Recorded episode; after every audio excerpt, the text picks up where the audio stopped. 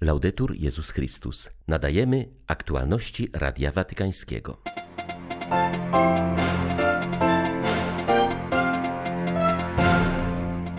Podczas spotkania z członkami sekcji katechetycznej Konferencji Episkopatu Włoch Franciszek wskazał na wartość katechezy i konieczność postawienia w jej centrum osoby Jezusa Chrystusa.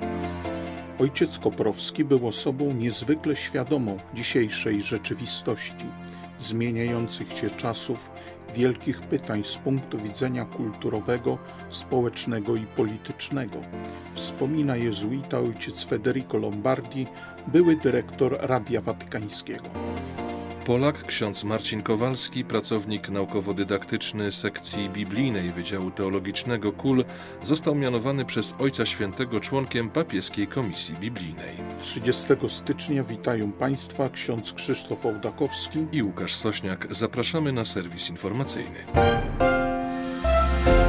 Zachęcam Was do dalszej modlitwy i twórczego myślenia o katechezie skoncentrowanej na kerygmacie, która patrzy w przyszłość naszych wspólnot, aby były one coraz bardziej zakorzenione w Ewangelii, braterskie i włączające.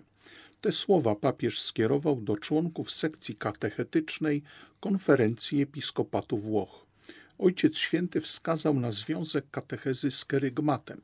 Katecheza jest echem Słowa Bożego. Stanowi ona jakby jego długą falę służącą przekazywaniu radości Ewangelii. Franciszek zaznaczył, że sercem misterium zbawienia jest kerygmat, jest on osobą, chodzi o Jezusa Chrystusa. Katecheta jest osobą, która strzeże i ożywia pamięć o Bogu, strzeże jej w sobie i budzi ją w innych, oddaje tę pamięć na służbę orędzia, aby komunikować nie siebie, ale mówić o Bogu, o Jego miłości i wierności. Katecheza jest wyjątkową przygodą, jest awangardą Kościoła, która ma za zadanie odczytywanie znaków czasu i podejmowanie obecnych oraz przyszłych wyzwań. La catechesi e l'annunzio non possono Katecheza i głoszenie nie mogą się stawiać w centrum wymiaru wspólnotowego. To nie jest czas na elitarne strategie, to jest czas, aby być rzemieślnikami otwartych wspólnot, które wiedzą, jak docenić talenty każdego ze swoich członków. Jest to czas dla wspólnot misyjnych, wolnych i bezinteresownych, które nie szukają znaczenia i korzyści, ale chodzą drogami ludzi naszych czasów, pochylając się nad tymi, którzy są na marginesie. Jest to czas dla społeczności, które patrzą rozczarowanym młodym ludziom w oczy, które witają obcych i dają nadzieję zniechęconym. Jest to czas dla społeczności, które bez obaw prowadzą dialog z tymi, którzy mają inne poglądy. Jest to czas dla wspólnot, które jak dobry Samarytanin umieją być blisko zranionych przez życie, aby ze współczuciem opatrywać ich rany. Fasciare le piaghe con compassione. Papież ponownie zabrał głos w obronie ludzkiego życia. Kultura życia jest dziedzictwem, które chrześcijanie pragną dzielić ze wszystkimi. Każde ludzkie życie, jedyne i niepowtarzalne, stanowi niezbywalną wartość. To powinno być głoszone ciągle na nowo, z odwagą w słowach i w czynach napisał Franciszek na Twitterze. Ojciec Święty nie precyzuje kontekstu swej wypowiedzi, nie wskazują na to żadne hasztagi, którymi papież dość często posługuje się w sieciach społecznościowych. Wiadomo jednak, że w Stanach Zjednoczonych odbył się wczoraj Marsze dla Życia, a w Polsce trwają protesty po ogłoszeniu wyroku Trybunału Konstytucyjnego w sprawie aborcji eugenicznej. Amerykańscy biskupi stanowczo potępili postawę Joe Bidena, który na samym początku swej prezydentury uchylił ograniczenia nałożone przez poprzednią administrację w sprawie finansowania aborcji w krajach rozwijających się. Mówi Marco Respinti, dyrektor International Life Family News. Niestety coraz częściej widzimy, że w zamian za udzielenie pomocy krajom rozwijającym się wymaga się od nich promowania aborcji.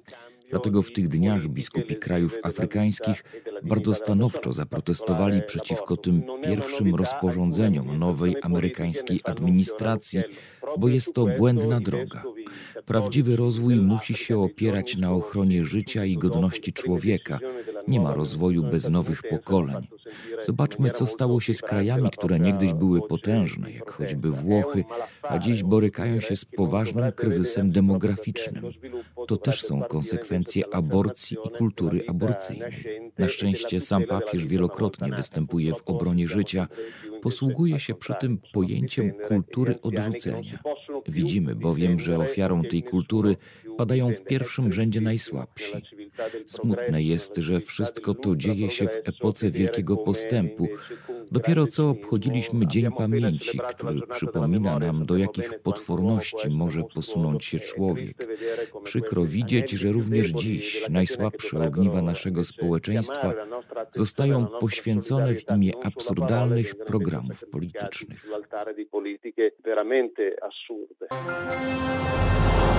Ludzie nie przyjmują dziś Ewangelii, jeśli nie głosi jej Kościół, który jest w pełni transparentny i ewangeliczny, przyznał kardynał Pietro Parolin w wywiadzie dla francuskiej telewizji katolickiej KTO. Jego zdaniem tym właśnie kieruje się papież Franciszek w reformie kurii rzymskiej, aby stała się ona jak najskuteczniejszym narzędziem ewangelizacji. Goszcząc w telewizji KTO, sekretarz stanu został też zapytany o umowę z Chinami, która, jak stwierdzono, jest postrzegana przez niektórych jako zdrada Kościoła podziemnego i przejaw naiwności względem Pekinu, który nie zaprzestał prześladowania katolików. Kardynał Parolin odpowiedział. O tych sprawach mówiliśmy już bardzo dużo. Powiedziałbym przede wszystkim, że szanuję tych, którzy mają inną opinię i krytykują politykę stolicy apostolskiej względem Chin. Jest to uprawnione, ponieważ jest to sytuacja skrajnie złożona i trudna. Mogą być różne opinie. My postanowiliśmy, choć prace nad tym trwały już wcześniej, to jednak pod wpływem decydującego bodźca, który dał papież Franciszek, postanowiliśmy wejść na tę drogę małych kroków. Świadomi, że ta umowa nie miała i nie mogła rozwiązać wszystkich problemów Kościoła w Chinach, ale ma być jedynie małym krokiem, od którego można rozpocząć, by dążyć do poprawy sytuacji Kościoła. Ta umowa nie rości sobie prawa do bycia ostatnim słowem. Ja zawsze porównywałem to do małego ziarenka zasianego w ziemi. Mamy nadzieję, że to ziarno wzrośnie i wyda owoc. Taka jest nasza nadzieja. Były dyrektor Radia Watykańskiego, jezuita, ojciec Federico Lombardi, podzielił się swoim osobistym świadectwem na temat zmarłego wczoraj ojca Andrzeja Koprowskiego, z którym przez kilkanaście lat ściśle współpracował. Zauważył, że traktował on czas spędzony w rozgłośni papieskiej jako niespodziewany i niezasłużony dar – otrzymany po przejściu poważnej operacji chirurgicznej. Ojciec Lombardi wspomniał, że Koprowski był osobą o wielkiej duchowości i wierze, posiadającą ogromną rozpiętość kulturową, zawsze z bardzo głęboką perspektywą w kluczu wiary chrześcijańskiej. Zwraca uwagę dziennikarzy na życie kościoła i kościołów lokalnych, które zawsze są w ruchu. Często mówił o dynamizmie w kościele. Ojciec Koprowski był osobą niezwykle świadomą dzisiejszej rzeczywistości, zmieniających się czasów, wielkich pytań z punktu widzenia kulturowego i społecznego polityki międzynarodowej. Był człowiekiem wielkiej kultury oraz wielkiej uwagi i chciał, żeby również dziennikarze Radia Watykańskiego, a także ci, którzy zajmują się problemami dzisiejszego świata, czynili to ze świadomością, ale również z wielką głębią. Interesował się nie tyle, powiedzmy, konkretnymi wiadomościami z ostatniej chwili, ile raczej znaczeniem wydarzeń, ich zasięgiem, ich wpływem na życie ludzi, na ich mentalność jako chrześcijan, ale także jako odpowiedzialnych ludzi naszych czasów. To było właśnie to, czego również bardzo pragnąłem, kiedy przyszedł mnie zastąpić. To znaczy osoby, która nie ograniczała się do technicznego aspektu komunikacji, który zmienia się w zależności od dostępnych narzędzi, ani nie ma obsesji na punkcie wiadomości z ostatniej chwili, ale osoby, która stara się odczytać znaczenie tego, co się dzieje i pobudza dziennikarzy do zadawania sobie pytań oraz do stawiania pytań innym o konsekwencje głębokich przemian, tego, co się dzieje w naszych czasach i o znaczenie, jakie mają one dla moralnego i duchowego życia ludzi, a także naturalnie dla Kościoła. delle persone e naturalmente anche della Chiesa. 25 stycznia 2021 roku Stolica Apostolska opublikowała listę nowych członków papieskiej komisji biblijnej. Jest wśród nich Polak, ksiądz doktor habilitowany Marcin Kowalski, pracownik naukowo-dydaktyczny sekcji biblijnej Wydziału Teologicznego KUL. W sumie zostało mianowanych dziewięciu nowych członków tego gremium, z czego trzech to zakonnicy. Nowi członkowie pochodzą z ośrodków uniwersyteckich we Włoszech, Belgii, Hiszpanii, Polski, Słowacji i Szwajcarii. Papieska Komisja Biblijna spotyka się fizycznie raz w roku w Rzymie po świętach wielkanocnych. Komisja podejmuje zadany temat na dane lata, zwykle jest to pięć lat, podkreśla ksiądz Marcin Kowalski.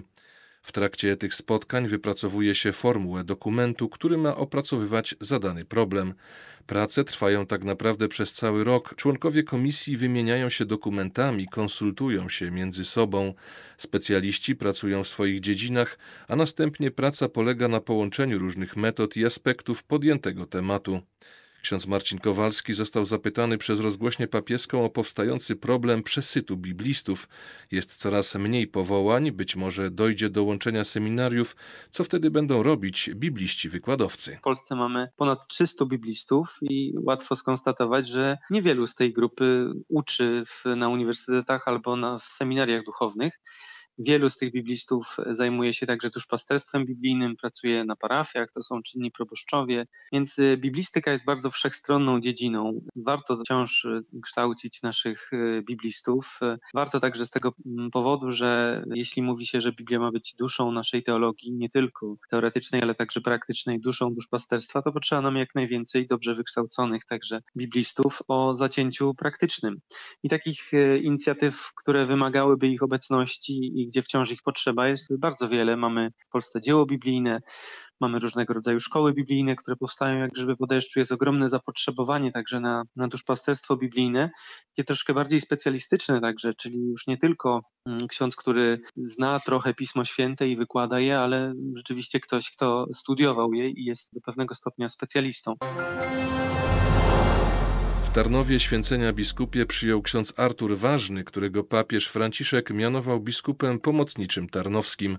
Nowy biskup to oceniony rekolekcjonista, jest także egzorcystą i ojcem duchownym kapłanów diecezji tarnowskiej. Uroczystość święceń miała miejsce w kościele w Tarnowie Mościcach, gdzie ksiądz Artur Ważny był wikariuszem i proboszczem. Liturgii przewodniczył arcybiskup Marek Jędraszewski, metropolita krakowski.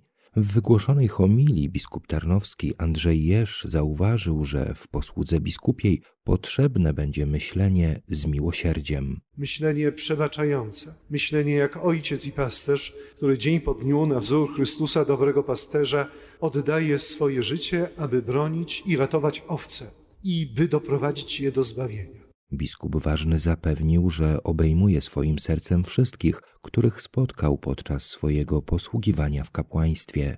Prosił także o modlitwę w jego intencji. Abym się nie przestraszył i bym nie zgłupiał, czyli bym był chrześcijaninem i biskupem modlącym się i wierzącym, uczestniczącym w Jezusowym sposobie widzenia, patrzącym oczami Jezusa na każdego, z miłością, ale i w ewangelicznej prawdzie. Ksiądz Artur Ważny jest czternastym biskupem pomocniczym w historii diecezji tarnowskiej. Ma 54 lata. Jego biskupim zawołaniem są słowa Patris Corde, ojcowskim sercem. Dla Radia Watykańskiego Rafał Łączny, Katolicka Agencja Informacyjna. Były to aktualności Radia Watykańskiego. Laudetur Jezus Chrystus.